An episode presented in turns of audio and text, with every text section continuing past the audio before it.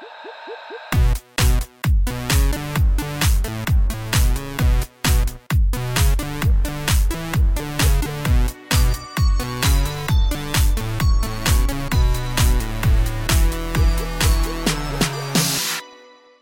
men halli hallå och hjärtligt välkomna tillbaka till det tredje avsnittet i den andra säsongen av Ytspänning. Eller är det inte den tredje avsnittet? Jo, det är det. Vi har haft eh, ett litet program med oss. Vi har haft eh, Robert Fuchs, vi har haft Björk Markström. Ja. Ja, nummer tre. Ja men just det, nej, men då är det ju tre. Vi har haft tre. Ja, Ju- Det är fyra. Det här är avsnitt fyra av andra säsongen av Ytspänning! Och vi har ytterligare en gäst idag eh, som eh, är en vän eh, till mig, måste jag ju verkligen säga. Och eh, Christian, du känner också lite. Eh, veckans gäst, eh, innan vi avslöjar namnet, är lite av en ikon i hbtq-kretsar. Hon uppmärksammades med buller och bång 1998 med den unika fotoutställningen Ecce Homo, bestående av 12 återskapade altartavlor eh, där Jesus hänger med läderböga dragqueens och hiv-drabbade. Eh, och därefter har ju karriären varit lång. Det har varit både eh, tv-program och det har varit nya utställningar och det har varit teaterpjäs med mig, kung Kristina Alexander och en utställning om transpersoner som heter ID Trans. Hjärtligt välkommen Elisabeth Olsson! Joho! Tack! Vad roligt! Vilken, vilken påa jag fick! Ja, men den, den är du värd. Jo, jag sitter här och kurrar som din katt här. ja, det gör du. Idag är det på dagen när vi spelar in, inte ni som lyssnar, men när vi spelar in, det är måndag, eh, då är det exakt på dagen 41 år sedan sjukdomsstämpeln av homosexuella togs bort. Oh, wow! Är det 41 år sedan? På dagen. Hur minns du detta? Jag minns det inte för att eh, alltså jag bodde i Skara. Eh, det är alltså, just det, det gör jag. Och i Skara är en liten stad eh, med jättestor domkyrka. Och sen kom ju också Bert Karlsson. Där så fanns inte liksom hbtq eh, för fem öre. Jag fick inte höra de nyheterna, jag fick inte in dem i mig heller. Så att ehm, jag hade liksom eh, tragglat vidare. Det är inte liksom förrän jag kommer till Göteborg eller liksom de sista åren där på, på när jag jobbade på tidning där i Skara som jag kanske precis innan jag flyttade till Göteborg som jag liksom drar igång mitt liv. Mm, Okej, och vilket år är vi inne på då? Alltså jag kom ju på då att jag eh, blev attraherad av kvinnor till exempel. Det gjorde jag i USA när jag var där ett år, 1979 är vi på då. Ja, precis. Och det var, var det inte då som... Var det det året? Ja, precis. Det var 79. Men Hur var det året? Tell us, eh, Elisabeths Nej, men det var eh, jättetur. 79. Det var jättetur att jag åkte dit för att eh, innan det i, i, i Skara då så var det ju liksom väldigt, jag hade väl kanske gift mig mm, heterosexuellt om det hade liksom, Say what? yeah. Men i alla fall när jag kom till USA, då liksom, då försvann ju den här domkyrkan och så var det drug, sex and rock'n'roll brukar jag säga liksom. Det var då liksom, samma år som filmen The Rose kom med Bette Midler och jag var så på Kiss, Kiss-konsert, de spottade blod och liksom fick leva ut och liksom, jag fick, jag fick göra, Och vart i USA är det vi Ja, vi är faktiskt, det låter som jag var i LA eller något Ja, sånt där. Men, jag var faktiskt i Iowa, i Bonneville. Så jag kom, Oh! ja, i en liten stad liksom på 800 invånare. Men i alla fall så var vi på bio, då åkte man till lite större stad. Jag och en tjej. Och det var ju amerikanare, breda bilar som har satt såna här soffor där fram. Så var det en varm kväll, rutorna var nedvevade så här lite, du vet, det fanns ju ingen aircondition då. Va? Så spelade vi lite, ja det var ju sån här radio, la, bla, bla, bla. du vet hur cool sån här amerikansk radio är. Och så helt plötsligt så åker vi den natten och så liksom alla de här majsfälten då. Vi hade sett på The Roast och så jag var lite upphetsad liksom efter den där filmen. För i The Roast så är det en kort lesbisk scen. Ah, och det måste ju ha varit jätteovanligt Jo, då det var få se. jätte, ja, det var jätteovanligt. Så jag liksom kände ju då att jag var så berörd av den där scenen då med Bette Midler när hon kysser någon på badkarskanten. Mhm. Och så vände jag mig om till henne som kör bilen som då hade varit på bion med. Och tittade på henne och tappade andan. Bara fick vända huvudet så här, shit liksom. Jag, jag, jag, jag, eh, jag är ju attraherad här av den här personen som sitter i bilen. Men jag avslöjar aldrig någonting. Men jag fick ingen luft nästan. Så det var helt häftigt att riktigt liksom få den där bejakande liksom. Men vad gjorde det med dig då? då? Att plötsligt så här, med din identitet och vem du är, om du plötsligt är en person som liksom Ja, jag kan bli slutar attrahera ju kvinnor. att liksom försöka med pojkar efter det. Mm. Okej, så this was the moment alltså? That was the moment. Fast jag har ju vetat, jag brukar säga att jag var född HBTQ. Alltså, men jag fick inte ord på det liksom. Det slant inte ner ordentligt förrän. Det var väl kvällen jag såg filmen och så den där bilturen i mörkret med henne då, med den amerikanska bla bla bla, radion då va. Och vad hände sen då efter det här, när du liksom på något sätt ändå har kommit ut för dig själv, inför dig själv liksom? Det går inte att gömma längre liksom. Vad, Ja, men då, då, då, då började jag fatta saker, för att det var... Du vet, de dejtar ju där. Så det var en kille som dejtade mig då. Och Han var ju förmodligen bög. Det var jättefint liksom, hur, hur, hur man dras till varandra. Det var ju helt kravlöst. Och jag kommer ihåg att han parkerade bilen. Han sa aldrig någonting till mig att han var det. Men han parkerade bilen så sa han vänta här. Och så gick han upp för en trappa. Glömmer aldrig jag satt där. Liksom, han var borta ett tag, så kom han tillbaka. Mm. Jag, jag slog vad om att det var en, eh, en gaybar han gick upp till.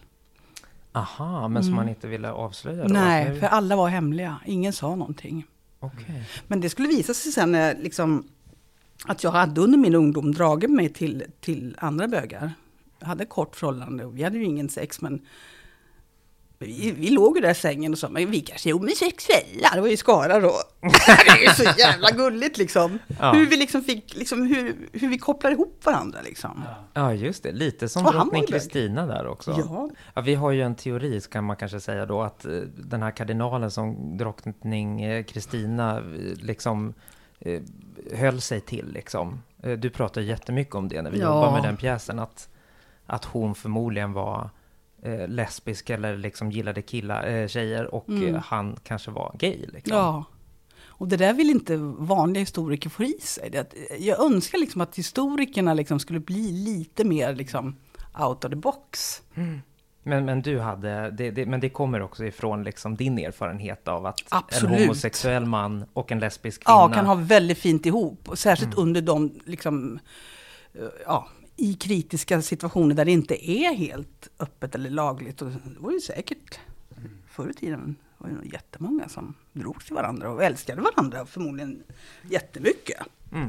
Det, fanns, det går väl fortfarande på Netflix. Det är en jättefin eh, dokumentär som handlar om två kvinnor som är, de är liksom i 70 70-årsåldern minst. Ja. Så man får se tillbaka på deras liv. Och, och de har ju bland annat jättefin vänskap med ett eh, bögpar. Ja, som de har fint. haft sedan liksom, inte vet jag, liksom 50-talet. Ja, Det, det är väldigt Ja, det är- fascinerande. det är med- starkt. Ja. Ja. att det verkligen det är så var, där. det var ju så liksom.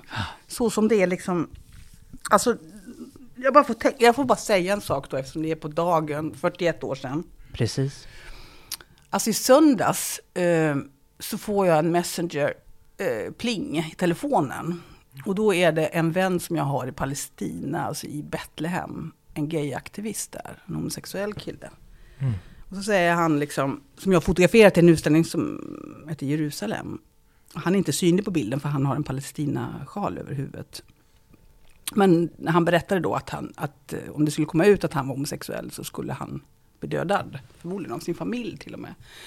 Och så får jag, ett, får liksom den här pling. Vi har haft så här ett sporadiskt kontakt ibland, liksom bara jättesporadiskt. Men liksom, så säger han så här att nu börjar familjen ligga på. Så jag bara skriver liksom, är du i fara? Nej, inte än. Men känner du några i, i Sverige som har kontakter med eh, lesbiska palestinier? För de, de är ju instängda liksom. Mm. För han vill inte fly. Men så tänkte jag så här att det pågår precis den här stunden. Det var en sån otrolig stark upplevelse. Det pågår just nu. I söndags. Så är det en kille liksom i Betlehem. Som skriver till mig och undrar hur han ska göra. Om jag har några kontakter. Alltså, så jag frågar ju då RFSL. Jag har kompisar där. Som så fint eh, skickade över två länkar. Och han blev jätteglad för att han visste inte om dem. Liksom. Han, får, han, han lever den världen som, det livet som jag gjorde när jag var ung. Liksom. Mm. Att det inte fick synas att man var hbtq-person.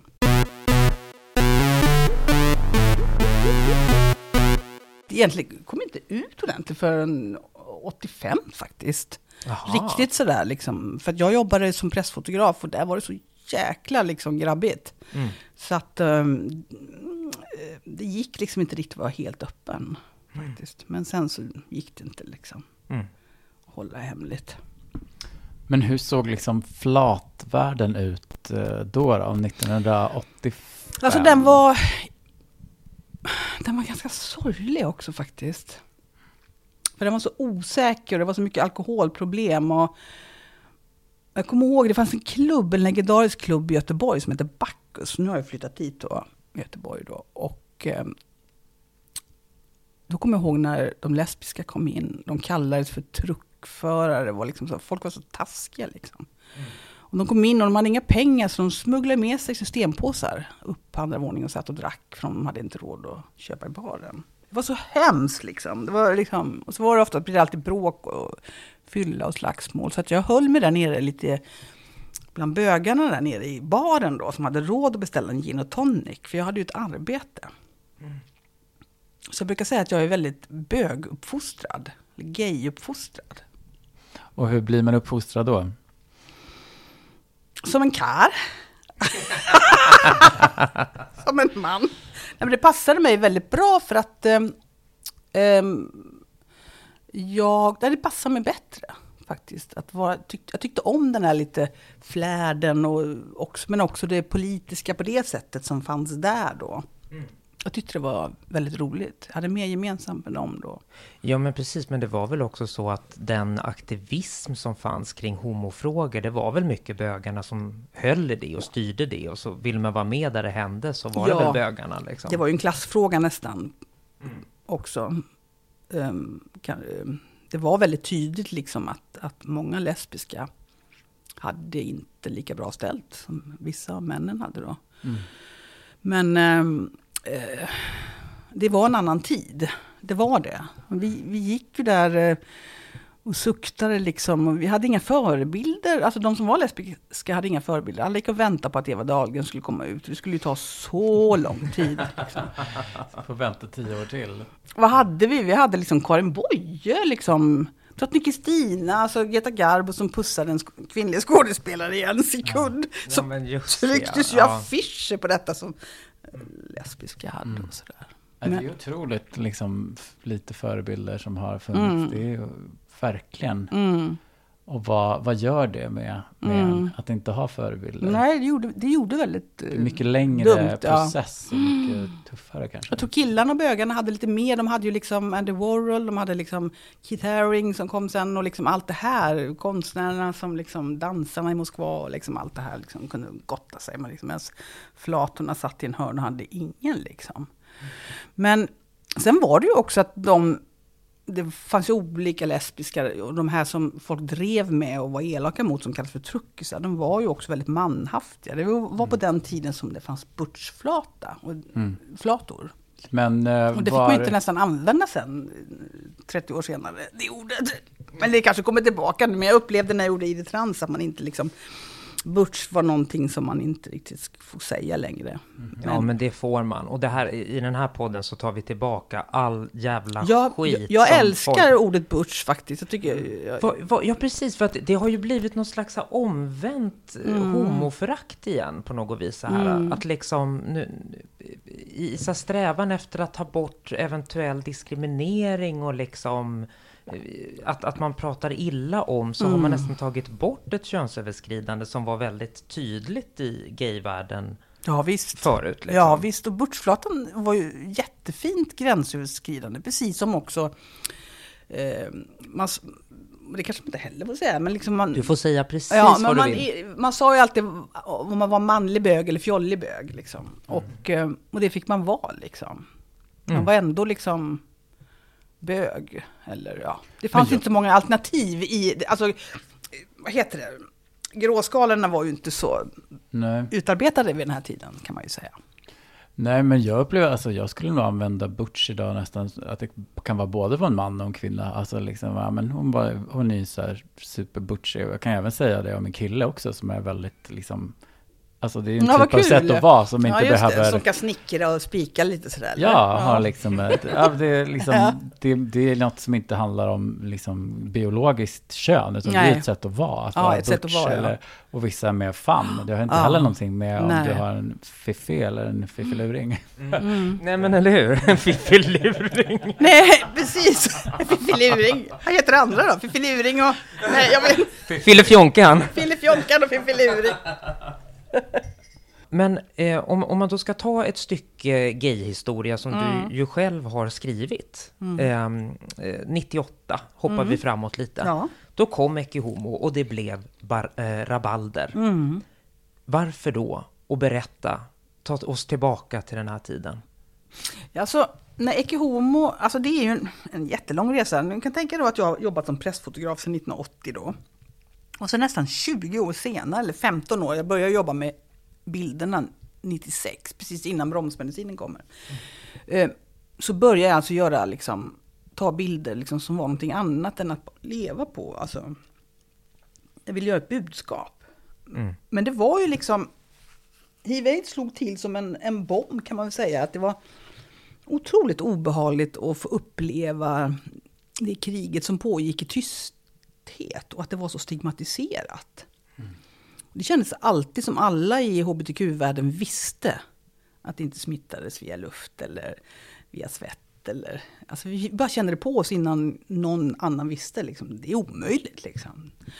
Och, ehm, men då kände jag liksom, när de, mina vänner hade dött så, så kände jag också att det fanns ett förakt liksom, från kyrkan. Att det fanns präster som faktiskt sa att det var Guds straff i Sverige. Det, så det kom en löpsedel där som är ganska berömd. 1987 i juni där det står bra att de dör i aids. Och så är det en bild på en präst Ah, i Svenska kyrkan. Och då fick jag nog, eftersom jag är uppvuxen i den här lilla staden med den stora domkyrkan och gått i söndagsskolan och liksom på ett sätt en, ha, har en liksom kristen uppfostran, alltså verkligen inte Livets Ord, utan väldigt eh, soft kristen uppfostran, så var ju det här helt eh, fasansfullt att liksom, präster får inte säga så. Jag var ju så naiv också. Tänkte så här, nej, det här, så får de inte säga. Men då började jag komma på idén då att jag skulle då göra tolv bilder ur Nya Testamentet, och, för det var det jag kunde. Eh, Jag har alltid haft bra i, i kristendom, hette det för det skolämnet. Jag var ju ganska dålig i skolan, men kristendom och svensk historia var jag skitbra i, och teckning. Ehm, Så att jag kunde min bibel så att säga. Så att det var väldigt lätt för mig också att komma på de här liknelserna, de här tolv bilderna jag skulle då tolka om i, från söndagsskolan då till mina vuxna söndagsskoleplanscher.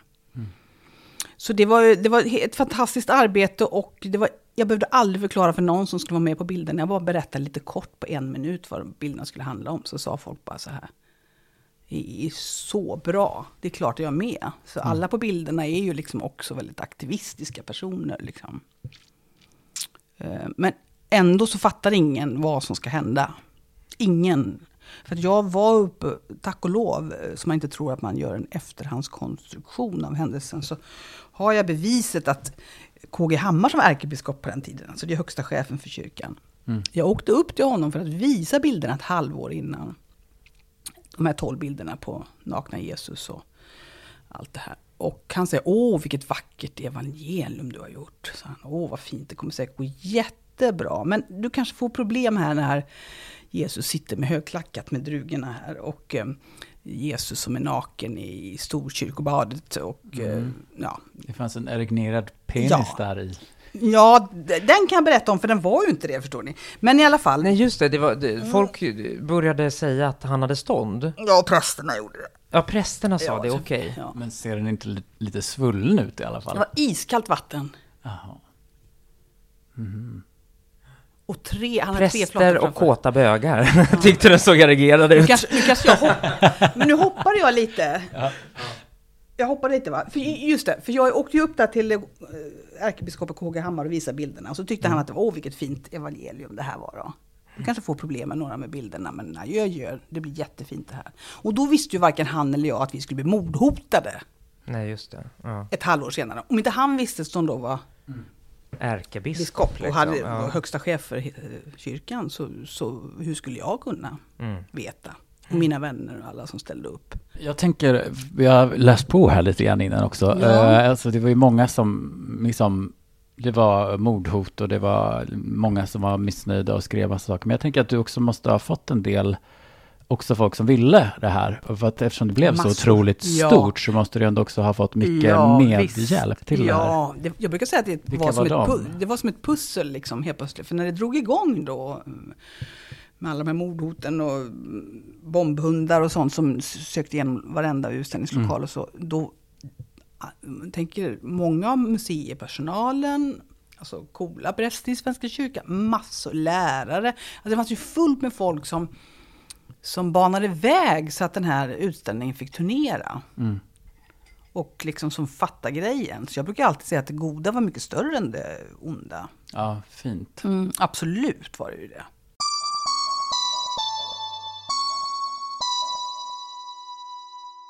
Men, eh, men jag kände liksom att jag fick ganska mycket skit av vissa faktiskt. I, bakom ryggen när jag gjorde ID Trans. Det var precis som jag inte fick göra den om jag inte sa eh, att jag titulerar mig som han eller något sånt där. Mhm, Okej. Ja, precis. Alltså du gjorde ju den, det var ju inte alls länge sedan. Nej. Det var 2018 eller 19? 2018 blev det, så turnerade den på några ställen i Sverige och det, den gjorde jättemycket nytta och, och så. Och nu har den fastnat i, i Norrköping och ska visas på Arbetens museum. Men det var ju Corona som kom emellan. Ja, just det. Ja. Men, um, nej, men jag upplevde att det var ganska tufft att komma liksom... För det är ju mycket, kanske man ska säga till de som inte har sett den, att det är ju Mm. mycket bilder på liksom transsexuella som liksom genomgår kroppsliga, fysiska förändringar. Ja, det är det. Ehm, så den kritiken du fick, alltså jag skrev ju utställningstexterna till den. Mm. Och jag menar, det var ju lite utav ett samarbete mellan mig och dig där. Ja. Liksom, du frågade ju mig hela tiden, hur ska man säga om det här och så, så att det fanns ju absolut transrepresentation i teamet, så att säga. Liksom. det tyckte jag också. Men jag tyckte, kände ändå liksom att jag inte var riktigt liksom... Men vilka var det då som kritiserade dig och vad sa de och liksom så? Det är svårt att ta på. Man kan ju lätt låta sådär konspiratorisk eller liksom paranoid. Men liksom, jag tror jag ganska tydligt kan känna när ehm, personer inom gruppen som jag försöker göra någonting bra för inte tycker att det är bra. Mm. Men det var många som var glada. Jag vet, Jättemånga. Jag- jag vet- Återigen. precis, jag vet ju Mm. initierade transaktivister som nu har liksom blivit förbannade på mig för att jag har gått ut i Uppdrag granskning och sagt mina grejer liksom. Som älskar ID-trans Ja, liksom. Så det ja. fanns ju även de som kan vara riktigt hardcore när det Mm. gäller, som ändå gillade utställningen. Ja. Men sen vet jag ju också att du fick kritik. Och då kände jag, men fuck liksom. Nu skiter jag i det här. Kan inte någon annan ta över och göra de här bilderna? Jag har hållit på så många år liksom och gjort kampbilder. Men så märker jag liksom, fan det kommer ju ingen. För att alla håller bara på liksom och jobbar med sina varumärken. Och liksom, då kan man ju inte göra saker som inte är kommersiellt gångbart. Liksom. Så jag, Tidens tecken. ja, så att liksom vem ska våga göra liksom politiska fucking yourself in the face-bilder liksom. Så att nu har jag liksom vänt och känt liksom, ja, eh, jag kanske har gjort mitt men eh, ändå inte. Men jag liksom, jag kände på något sätt att jag tröttnade lite. Jag blev liksom lite trött, tror jag. Och sen är det ju så förknippat också med, så fort jag gör någonting så blir jag också hotad. Så att, och det har varit väldigt jobbigt och det blir jobbigare ju äldre man blir. Att bli hotad liksom, så fort man gör något så är det någon liksom, så kommer det någonting som är otrevligt. Mm. Ja, och jag kan också tänka mig, eh, för att eh, trans-communityt har ju varit väldigt, alltså i och med sociala medier också, som på något vis är liksom byggt för att vi ska vara polariserade. Det, Ja, det har jag tänkt på faktiskt, att det blir svårt alltså. Ja, det blir svårt Ja. för vi samlas i våra egna små bubblor och eh, så hetsar vi upp varandra. Jag Mm. var ju i vissa grupper som skrev om dig liksom. Så där bara, har ni sett det här? Uh! Mm. Liksom, när du försvarade Lars Vilks, det var en helt annan sak. Men jag bara tänkte så här, men nej det är inte uh. Det, det är liksom, konstnärlig frihet är en mer komplex fråga än att bara, men hallå, liksom, alltså sådär. Eh, Och samma sak då med transfrågan, Ja. liksom, som har både fått genomslag mycket tack vare sociala medier, Mm. men också kanske fallit lite också på sina egna skosnören just Mm. därför. För att det, det funkar inte, alltså inget i samhället, samhället funkar inte när vi är så här splittrade liksom. Det är inget samhälle nästan, det är ju som Nej. små öar som Ja. krigar liksom. Och, och där kom du då liksom med en, en större utställning som skulle täcka många frågor. Det var ju allt från barn och deras föräldrarna med det, eh, relationer till deras föräldrar, till att göra en mastektomi, till att liksom ta upp det historiska, alltså det, och, eller det kristna. Det var ju liksom en transpräst som stod och gav alla människor bikt och sådär liksom. Alltså jag menar så att det var ju liksom inte en utställning om specifika transfrågor, utan det var en större utställning. Liksom. Och Alltså, jag kan, jag verkligen, jag kan lida med dig där faktiskt, för att, för att det var väldigt orättvist. Ehm, eh, men, och, och egentligen så tänkte jag, när, jag, när jag såg det där, att det där handlar inte om Elisabeth, utan det här handlar mer om tiden, eh, vi, vi vill hitta snabba projektionsytor och vi vill kasta skit där liksom. Och sen följer den större massan bara med. Och bara, Ja. jaha, var det där dåligt? Ja, ja, okej, då var det dåligt. Alltså sådär. Då var det privilegierat eller, ja. Det, det, det, har varit, liksom- det är svårt också att vara liksom äldre med väldigt lång erfarenhet när man då liksom krockar med, med, med de yngre. Liksom. Och det är ju naturligt, så är det ju. Liksom. Man har olika faser liksom, och sen åker man ju ut. Men jag kan känna liksom att just det mm, kunde jag lägga åt sidan till slut.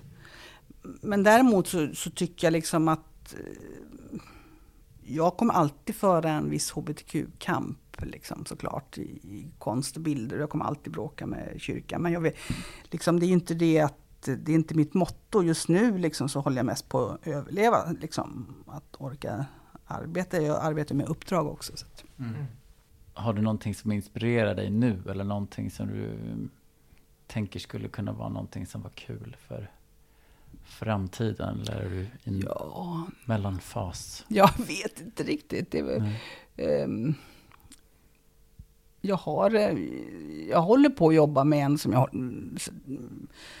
Men det, alltså coronan kom lite i- emellan faktiskt. Mm. För när, man, när jag jobbar, det märker jag när jag jobbar liksom för att överleva, då får konsten mindre plats, tyvärr. Mm.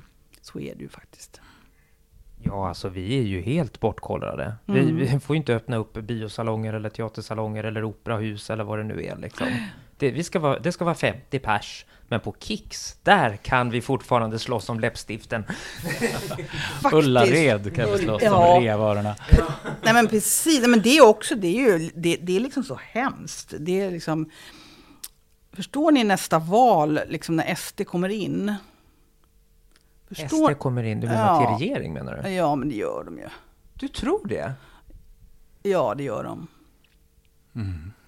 Men alltså, tror du också det Christian? Ja, inte så att jag är 100% över det, men ja, men det tror jag. det är så många år kvar, så eller två år, va? ett och ett halvt är det? Mm. Ja. Nej, men tänk då liksom vilket läge, kulturen är fullständigt nedmonterad. Det är precis 30-talet. Alltså när, när eh, Hitler kom till makten, Mm. vilka var han tog bort först? Kulturarbeten. För Mm. de är de farligaste. Vilket läge de får när de kommer in. Folk är desperata efter arbeten, efter jobb. Och eh, så kommer en superkonservativ regering in. Alltså, alltså, jag, tror inte, jag tror tyvärr politikerna just nu inte fattar. Alltså, jag tror jättemånga politiker tror att ah, men det är corona, liksom, vi får klara oss lite utan teater några år. Liksom, så att De fattar inte vad kultur är, tror jag. Att, att kultur är banne mig liksom så otroligt mycket och ett land är ett jättebehov av kultur. Alltså det, är liksom, det faller ju. Det är, bara liksom, det är bara för fascisterna att plocka upp landet utan Ja. kultur.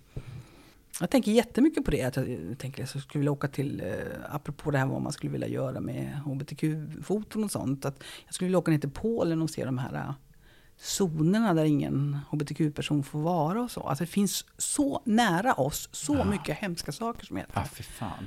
Just det. Som, ja, men det måste du ju verkligen Ja, det är göra. liksom så. Och jag skulle vilja åka till Ryssland och ta de bilderna. Och jag vet inte ens om jag kommer in där liksom. Men, och, och sen vad, som, vad händer i Minsk? Där har jag varit och fotat både lesbiska och bögar i Minsk. Liksom. Ja, mår de där de? koncentrationslägren där de liksom avrättar, Mm. ja i Tjetjenien ja, som avrättade Ja. bögar på löpande band. Finns de kvar? Hur Mm. mår de? Mm. Vad händer? Det blev ju helt tyst. Helt tyst. Locket på. Ja, nej, nu kanske jag bara Nej men det här deppar är... ner med den här podden. Ja, Ja, men helt det är svart ja, men podden. det- skulle det- bli regnbågens alla färger. Ja, ja, men det får, svart får också plats. Mm. Eh, vi jobbar med både yta och djup. Just det, Eh, precis. Det är, Ja, det. Eh, ja men det är en underbar blandning. Eh, sött och salt, som vi brukar säga. det är så men- gott med sött och salt. Det är så gott med sött och salt. Men du, det där, ja men gud, det måste, gud vilket mission du har framför dig. Mm. Att åka till de här länderna och visa, så här, det här sker när mänskliga rättigheter tas för lättvindigt liksom. Mm. Och det håller på just nu. Men mm, den här utställningen som jag har varit eh, curator till då på Spritmuseet som hänger ända till nästa år i mars, april tror jag. Där, har jag, där, där visar de en av mina bilder som jag har gjort ett collage. Eh, tre stycken newcomers som sitter och tittar på min eh, nattvardsbild från Ecce Homo. Och så in har stormare poliser från Istanbul och man ser Putin i väggen med bara överkropp, sån här homoerotisk bild. Och så ser man just uh, tjetjenska bögar som gripna och, och en transaktivist eh, i Turkiet som får gummikulor på sig. Och ehm, den... eh, Ja, den, det blir starkt i det där rummet faktiskt med en sån bild. För folk förstår inte riktigt att det pågår. Jag tror också att vi har blivit fördummade så många, många, många år innan liksom. Eh, Jag är så intresserad, 1973 så kom det en sån här kultur... Prop, vad heter det? Prop, eh, kul- ja. Proposition. Ja, och där står det att staten måste liksom ge konstnärslivet eller kulturen jättemycket bra med pengar så att man hela tiden kan eh, motarbeta kommersialismens liksom, faror. Mm, Jag satt precis och 1973. tänkte för bara några år sedan, hon eh, kulturministern, eller var hon Moderaternas eh, som, som tyckte att varför ska vi tala om kultur? Jag tycker vi kallar det för underhållning. eller? Ja, Alltså, precis. Och jag tror liksom, det är ganska, det är ju väldigt talande. Ja, det Liksom. var ju extremt talande. Det var Ja. ju liksom så här, åh jävlar anamma, det här är liksom Ja. någon som ska ta, som har liksom bestämmer över liksom Mm. kulturpengen här och som inte tycker att förstår vad kultur är och vad det har Nej, precis. för betydelse utan tycker att nej, men lite kul underhållning kan man behöva ibland. Ja, just det, att det är liksom någon hobby. Liksom. Ja. Det är fruktansvärt. Mm.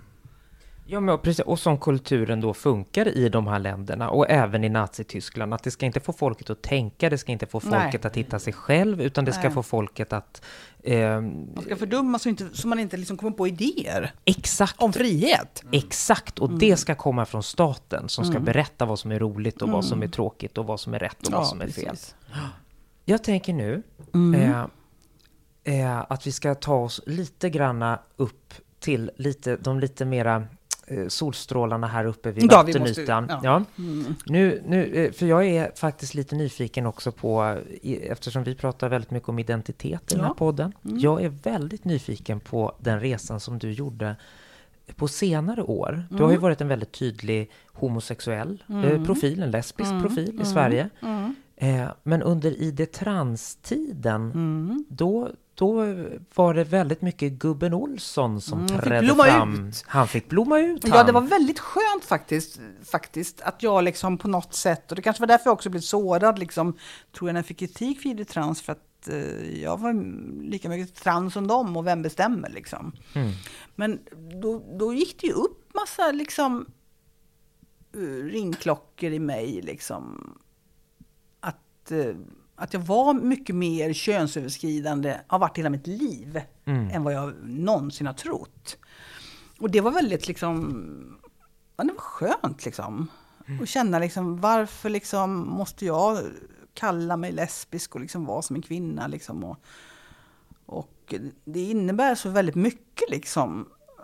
Om du måste gå in i, i de här två små facken som det här stackars samhället är uppbyggt på. Man och kvinna. Att jag bara, det bara slog mig hur liksom mycket man går miste om.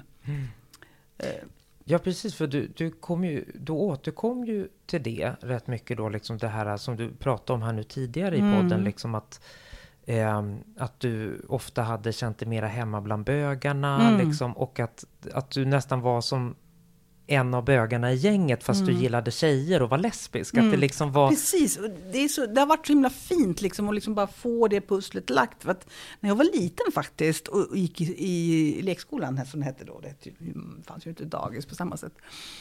Då så eh, stod vi ju en kö utanför lekis, lekstugan då. Eh, lekstugan? Som heter, lek, lekskolan. Lekstugan på lekskolan. Ja. Och sen kom fröken och öppnade dörren och så sprang alla barnen in. Även jag då. Jag upplevde mig som otroligt tyst att jag inte pratade med någon. Alltså. Men då sprang alla tjejer in till höger in i köket. De hade gjort, byggt ett barnkök med dockor då. Liksom, det var ju så, alltså vilka könsroller. Och sen sprang alla pojkarna och jag till bilarna. Varenda dag var likadant. Och jag vet när jag går tillbaka att jag såg inte mig som flicka liksom. Inte för fem öre. För då hade jag liksom tyckt att men jag var ju, jag var ju kille liksom. Jag liksom förstod inte det där. Och, och sen, men, men sen nu när jag blir äldre liksom, och, så, så känner jag liksom att jag är mycket friare i det här. Liksom. Det som har varit att liksom, varför måste jag bestämma vad jag är? Men jag är ju helt könsöverskridande och det har varit så skönt liksom, att det har transrörelsen tycker jag gett så många. Det är ju liksom att vi har förstått, vissa av oss som är smarta, att liksom eh, att eh, hon och han är ju bara liksom två väldigt tråkiga pronomen på det sättet. Att det finns ju så många om du öppnar upp den här lilla spektrat av olika identiteter och känslor och sexualitet eller hur du vill ha sex eller att Ja, just det. Du brukar ju prata att det är som att dra ut en solfjäder, ja. Och på Ja, just det. varje liten sån där... Mm. Eh, liten flik. Man tänker liksom det. om, om solfjädern är ihop så här så står det hon där och han där. Och så Mm. går man genom livet så med stängd solfjäder. Men öppnar upp den här vackra grejen, liksom som, ungefär som en fjäril som öppnar vingarna. Så är Mm. det fullt, varenda det här jacket, liksom det här veckade pappret. Det är liksom Men har det, um, om vi säger då hur det har varierat genom livet, har det liksom funnits perioder du minns att du var mer identifierad med liksom Ja, det var alltså, jag, jag kommer ihåg, och- ja, det kommer jag ihåg väldigt tydligt, alltså som liten innan liksom puberteten. Innan brösten kommer och så. Mm. Så var jag väldigt fri, kommer jag ihåg. Alltså fri i vem jag var liksom. Att jag hade inga föräldrar som sa att du måste gå i... Jag var ju tvungen att ha kjol på mig, eller klänning, någon gång på någon släktträff. Men det var ingenting som... Alltså mina föräldrar var liksom väldigt kärleksfulla. Mm. De sa aldrig till mig, så där får du inte göra för du är tjej. Mm. Aldrig fick jag höra det faktiskt. Så jävla Bra. skönt. Ja, Mm. ändå var inte de liksom... Superprogressiva. Nej, absolut inte. Utan de bara var kärleksfulla. Mm. Men så då när du kom i tonåren så blev det ändå blev det svårare Ja, då? då blir det jättesvårt. Alltså, började, ja, precis. Och då är samhället liksom så annorlunda också. Det är liksom så stereo- stereotypt och normativt liksom, i Sverige. Liksom. Mm. Det gick liksom inte att liksom... Ja, det här är ju innan 79, när vi Mm. började samtalet om. Mm. Alltså, det, det, var liksom, det var bara att gå in i den follan. Liksom. Och det Mm. blir ju sån sorg.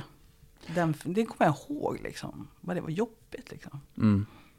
Men finns det någon annan del av livet då, när du har känt att du varit mera på den då maskulinare sidan?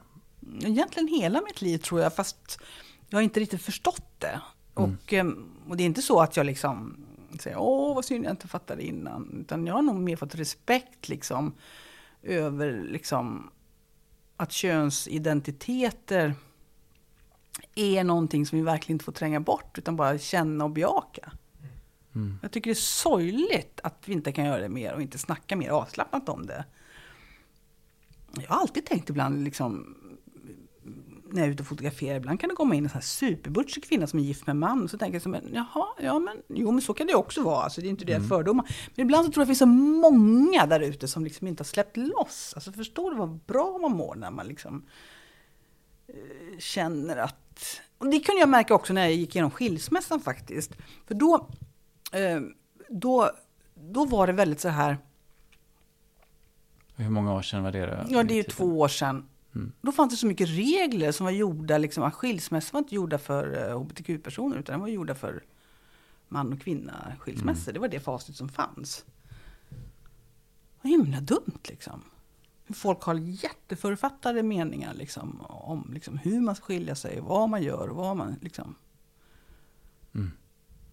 Mm. Att, att det ska vara uppbrott och man, eh, någon gråter och någon är besviken Ja, det är och man väldigt, kan inte det här prata med varandra. Och, liksom. Även där liksom så, så, så jag tycker liksom att, kön, att vara könsöverskridande är en väldigt fredlig del av mänskligheten tror jag. Alltså, om man får leva ut sin könsöverskridning, alla människor har det på något sätt, någonstans. Det är ju dumt att säga att man inte har det. Sen har ju en del jättemycket, och jag har haft jättemycket som ung. Det är ju nästan, det blir också eh, inte så mycket egentligen könsidentitet då, utan mera könsrollsöverskridande. Ja, precis. Att ditt kön Att få- fångar dig inte. Nej, För att du har en snippa eller en snopp. Utan Nej, liksom, att allting är så styrt och förstör så mycket. F- och det betyder mer än vad vi tror. Det är en märklig tid med liksom, jag som har femårig son ändå. Att, liksom, Mm. att det på vissa sätt känns det sådär att folk mm, ofta idag, man har liksom så här man har som så amerikanskt att man har gjort sådana här eh, baby showers och så. Ska det komma en blå ballong ut om det blir Mm. Ja, en pojke precis. eller rosa om det är Mm. flicka. Ja. Och att liksom kalasen, att många, men han bjöd bara, liksom, bytte bara killarna eller vad. Alltså Mm. jag tycker att det liksom har börjat bli, det är liksom mer att Man mer tror, back, ja. ja, man tror mer på det där än någonsin på många sätt. Backlash, det är liksom, något det är en backlash för att, jag menar, ja, jag tycker det är, det är lite obehagligt. ja, visst är Det känns så det. här sjukt, för att jag ser ju mig själv liksom förstås som inte liksom kände att jag passade in i, i den mallen. Nej. Och bara ser så här, men, men, men hjälp. Liksom. Mm. Vad Vad, händer? vad gör vi för någonting? Ja. Ja, visst, absolut. Det kan finnas vissa saker vi kan generalisera. Att det kan vara lite vanligare med den andra. Det är inte så att man inte får prata om att Mm. det kan finnas sådana saker också. Men det betyder inte att vi måste understödja allting till helt och hållet heller. Utan det kan ju finnas där och erbjuda ett spektrum av liksom, saker, också. aktiviteter, Ja. grupper, indelningar och liksom bara vidga. Och det skulle bli så fredligt, för jag tänker, liksom, jag tänker på alla såna här liksom, transpersoner eller bögknackare eller flator som blivit misshandlade. Liksom, att, det, att det finns ett sånt förakt, en sån rädsla liksom, för att inte uppträda som det könet du förväntas vara. Mm. Och, eh, sen är det så, när man blir äldre, jag vet inte om ni tänker på det, när män åldras ibland så blir de lite kvinnligare för de får ju mer, får ju mindre test. Mm, mm, mm. Mer Alltså östrogen, ja. Tvärtom för Ja. kvinnorna. Mm. Så ibland kan man ju se ett par bakifrån. Så den är helt plötsligt så liksom, vänta nu, vem var man och kvinna här? liksom, om man Mm. ser. Det, det, det är lite vackert. Där. Vi dras lite mot någon mittpunkt. Ja, mittpunkt, ja. Mm. Faktiskt, rent fysiologiskt. Ja. Mm.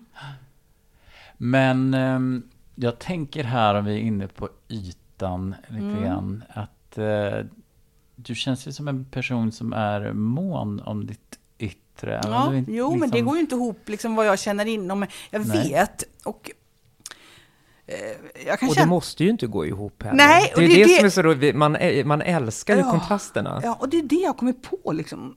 Det tog jättelång tid. Och liksom, jag tror kanske det var därför också att jag inte riktigt känner mig hemma helt då i kanske i Stockholms transvärld. För att ehm, jag var liksom, det kändes som det fanns ett tryck att jag var tvungen att sluta sminka mig. Liksom, och måste bestämma mitt pronom och det ville jag inte. Kände- Oj, det är en jätteintressant spaning. Mm, Det är inte så trans. Trans betyder ju överskridande. jag vet.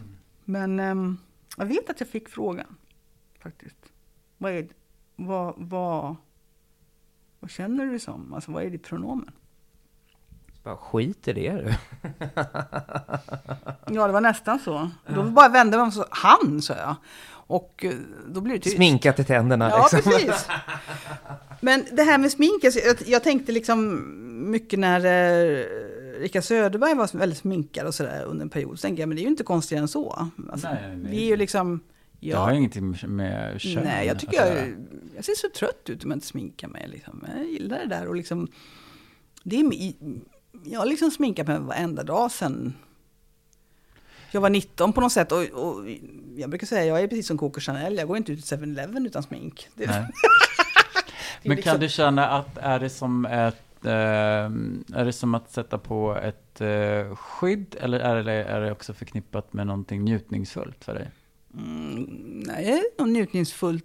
eh, Det tycker jag liksom. Jag tycker liksom, jag sätter på mina, jag köper ju bara killkläder och killskor. Det kanske ni inte vet, men det gör jag bara. Och ehm, jag går ju bara, det har ju också med min längd och min, att jag är lite stor just nu så det är mycket lättare. Men jag, jag trivs i killkläder. Och ehm, så när jag sätter på mina herrskor och, och min jacka och min smink, det är, liksom, det är den jag är liksom. Det är ju, Mm och sen när jag blir kär eller sådär, så jag vill ju gärna vara den som uppvaktar och jag vill gärna vara den som bjuder på middag och jag har ju sådana här liksom löjliga killfasoner liksom på det sättet och även i konflikter också lite sådär killig om man får generalisera. Men det som är lite intressant här på ett sätt är att de här bordsflatorna i, i Göteborg, du kunde inte identifiera dig med dem, men du identifierar Ja, men- ändå men- mera med mycket med bögarna. maskulina. Ja, vad, vad tror jag, du ty- jag var... tyckte bögarna hade stil. Ah, Jag tyckte ju om det här lite med glamouren och det här liksom lillfingret som åkte upp och det här liksom. Jag älskade det faktiskt. mm. Jag gjorde det faktiskt. Och sen hade jag ett jättevackert bögkollektiv i Stockholm som jag hälsade på innan jag flyttade upp till Stockholm. Där faktiskt en av killarna dog i aidsen som inte jag förstod. Det var väldigt omskakande. Jättefina killar, men de var ju politiska, de var ju gamla hippies. Liksom. Jag gillar dem. De, de, de, de drack te liksom på söndagarna i klänning och så hade de skägg och liksom var vänster. Alltså fruktansvärt. Och Jag bara tyckte liksom, gud vad skönt det var. Jag kände mig så hemma. Liksom. Satt de och drack te och de gjorde aldrig något, satt inte och flabba utan klockan tre, då körde de på sig klänningen och så drack man te med kakor. Så jag blev så fostrad i, liksom, i den, Frizon behöver man under sådana ja, omständigheter. Det var helt fantastiskt. Och där tycker jag liksom, det kan ju vara lite sorgligt då, och där hade väl liksom många gaykillar mer makt. Det där som jag sa, liksom, att det är en klassfråga också, det här mellan Mm. kvinnor och män, även i hbtq-världen. Liksom, en jättestor klassfråga. Att liksom gaykillarna tog mer för sig av livet, så jag hängde på. Mm. Jag tyckte om det. Men det där har jag, har alltid retat mig på lite grann ibland. För jag har ju också haft liksom mycket flatvänner och, liksom, Mm. och många har varit bögar. Kan jag ha upplevt har varit så här, men jag har inget gemensamt med dem. Det har ju mer intresse, gemensamt med heterotjejer. Och vi är i alla fall Mm. båda attraherade killar. Och även från, Mm. från liksom flator. Att nej, men jag har ingenting med. Fast jag har Mm. alltid tyckt att, jag tycker det alltid har funnits liksom massa beröringspunkter, liksom, även om man inte attraheras av personer av samma kön så finns det ju ändå eh, och sen så kan man ju trivas bara bättre förstås, för att vi alla är människor och vi Ja. alla bara har olika, och liksom, jag har kanske uppskattat det, varit många som kanske varit mer politiska i flatkretsar, Mm. Precis. medan det kanske finns i bögvärlden också, men kanske drar Mm. lite mer åt lite individualistiska, borgerliga grejen Mm. liksom. Nej, men så jag tycker det är så jävla Mm. vackert. Jag älskar Mm. liksom när det blandas Mm. friskt liksom Mm. av att vi, man får inte fastna i någon identitet på det sättet heller. Att jag är bara bög och det ska bara vara med det. Jag är bara så här och liksom vi låser in oss. Utan det Ja, finns ju precis. superfina möten att missa där annars. Ja, det känner jag också. Det är så synd. för Man missar väldigt mycket om man stänger in sig. Ja, men precis. Och jag, det, du också pratade om Elisabeth i början där, om att, liksom, att det finns ett släktskap. Mm. Inte nödvändigtvis för att jag är bög eller jag är flata eller Mm. trans eller vad man nu Mm. är liksom. Utan vi har ett släktskap för att vi är normbrytande. Vi, Mm. vi lever utanför. Vi är queera eller hur man ska se Mm. det liksom så. Utforskande. Mm. Ja, ja men verkligen. Och också måste jag säga att du gör en jättebra jag måste säga det igen, om transvärlden. Det, för det är precis det där som har fått mig att successivt, bit för, för bit bara, ja men det här är inte mitt gäng ändå alltså. Och nu, nu menar inte jag alla transpersoner eller Nej, liksom sådär, utan jag, jag pratar om den mera liksom ja, den transvärld som har vuxit fram i olika så här eh, klubbar och festivaler och liksom så här, så här pratar vi här eller så här, Mm. ja, så bla bla bla liksom. Eh, De här eh, arenorna som har liksom uppstått. Eh, just det där liksom att, ja men vad är du, vad är ditt pronomen? Mm. Eh. Annars får du inte vara här och leka liksom. Ja, och även om det finns de som tycker att man visst får vara där och leka så blir det ändå, det är någonting. Jag sitter mycket hellre med bögarna i helskägg och klänning än med någon som liksom så här, ja, vad, och, och, vad är ditt pronomen? Och så, är så här, överdrivet respektfull och bakom så bara märker man, vad, vad är det som driver det? Alltså sådär. Mycket, för det, det är ju någonting väldigt statiskt i det där som jag absolut inte tycker om. För, för också då finns det ju, precis som du sa, liksom en förväntan om att okej, men då ska du leva upp till det här då, icke-binära och vara väldigt eh, mittemellan. Eller, eller så ska du vara då den här fam eller den här butch eller, ja, då, eller vad man nu säger då, maskulin liksom. Alltså att det, det är nog väldigt, det har bara blivit nya ord för man och kvinna på något vis liksom. Eh, och jag gillar, jag gillar det ju när det på riktigt är, ja, jag kan inte säga till 100 procent. Jag vill få flyta liksom. Mm.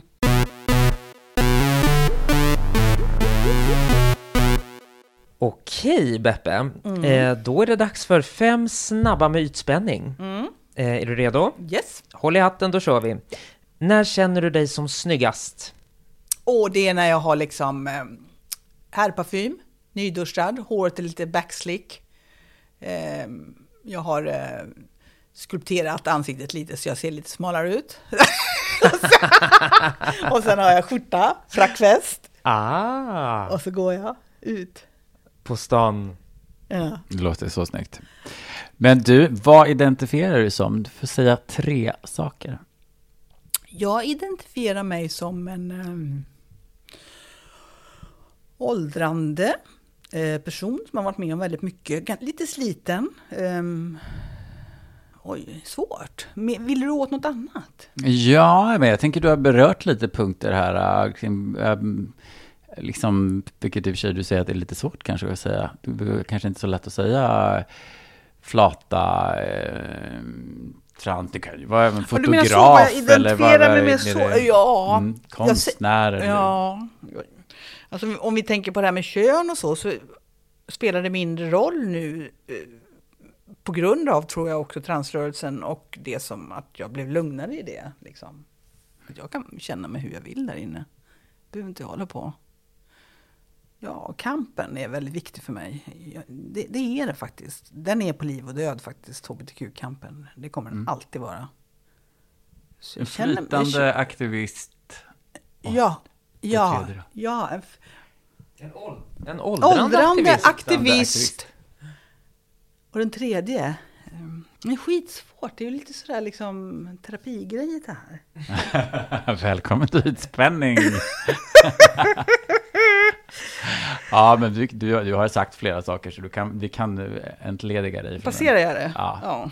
Du passerar, oavsett svar så är det godkänt. Eh, var på Kinsey-skalan befinner du dig? Jag har till exempel sagt att jag eh, dras 70 till killar, 30 till tjejer. Åh. Eh, Ja, nej men jag dras ju till tjejer, det gör jag. 100. Ja, nu gör jag nog det. Du är väldigt långt ut på Kinsey-skalan. Ja, det är enkelt. jag faktiskt. Mm. Ja, bra. Alla, alla, alla svar är rätt. Eh, Vad är din bästa skönhetsprodukt eller beauty hack? Alltså tyvärr, är- jag, jag, jag, jag flexar lite, men tyvärr så är det ju de här lite dyrare märkena som är bättre foundation. Jag har försökt på Dollarstore och sånt, men det, jag vet i tusan vad var det för fett i det. Nej men alltså, jag verkligen, för folk säger ju att man kan köpa billiga foundation, men jag får inte det att funka i alla fall hos mig. Så att, det- jag har ju pendlat då mellan de här franska märkena. brukar köra, variera mig lite. Dior, Lancome? Ja, Lancome och Dior. Just nu har jag både en Lancome och en Dior. Och hur applicerar den? Händerna, svamp? Fingrarna ja. Mm. Jag har försökt när det blev inne med såna här, vad heter det? En sån där beauty sponge. Ja, eh, precis. liksom. Men så tyckte jag att den eh, sög upp för mycket liksom, så att det blev så dyrt. Jag tyckte den liksom bara svalde liksom, den här dyra krämen. Så att jag, Ja, du, du ska få testa en Lumene-kräm som jag har. Mhm. De- Den är jättebra. Eh, och ja, det, det är ju ingen dollarstore-grej, men den kostar bara typ 189 spänn. Ja, det är ju liksom hälften. Ja, ja visst. Ja, nej, men det ska du få testa här. får vi ha lite sminkafton. Eh, sista frågan. Eh, vilken är din bästa comfort food? Alltså mat som gör dig trygg. Som jag gillar. När, när du liksom, nu är det lite synd om mig. Ja, alltså precis. jag är ju en... ehm, när jag vill mysa, ja, jag är ju väldigt pizza och taco och hamburgare. Alltså, så, nu är jag vegetarian alltså, men ehm, jag är jätte liksom sunkig i, i matstilen. Alltså, jag gillar verkligen. Well, we, We are as well.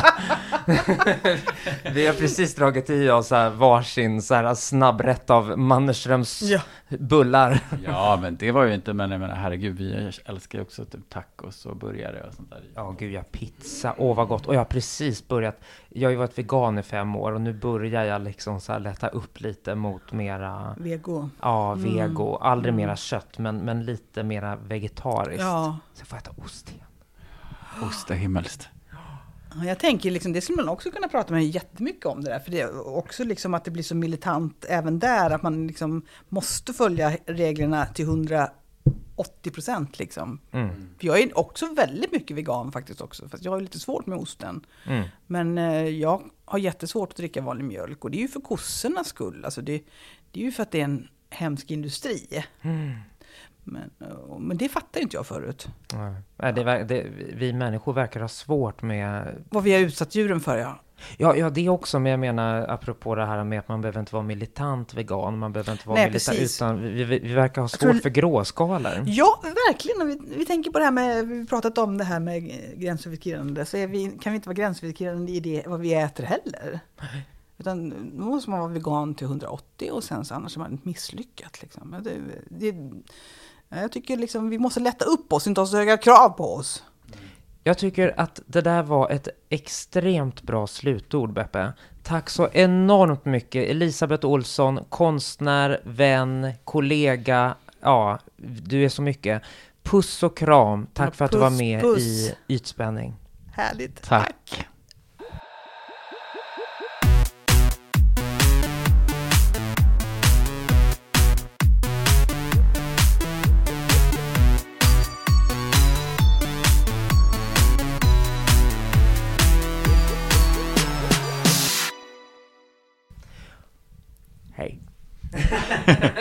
Vi hörs en annan gång. Hej då. Puss.